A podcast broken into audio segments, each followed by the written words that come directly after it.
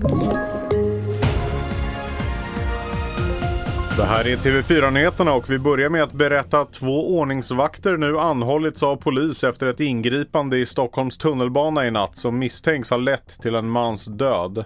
Det var vid ett-tiden i natt som två ordningsvakter larmade polisen om en man som ofredat och misshandlat människor på perrongen vid Rådmansgatans tunnelbanestation.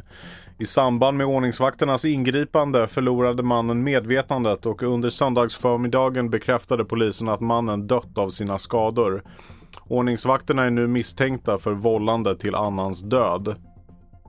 Och vårdgarantin behöver kortas till 60 dagar, det skriver Sveriges läkarförbund på DN Debatt idag. Det vill även se en skärpning av förslaget från regeringens tillgänglighetsdelegation som nyligen presenteras och menar att totaltiden för en medicinsk specialistbedömning och en undersökning ska vara max 60 dagar.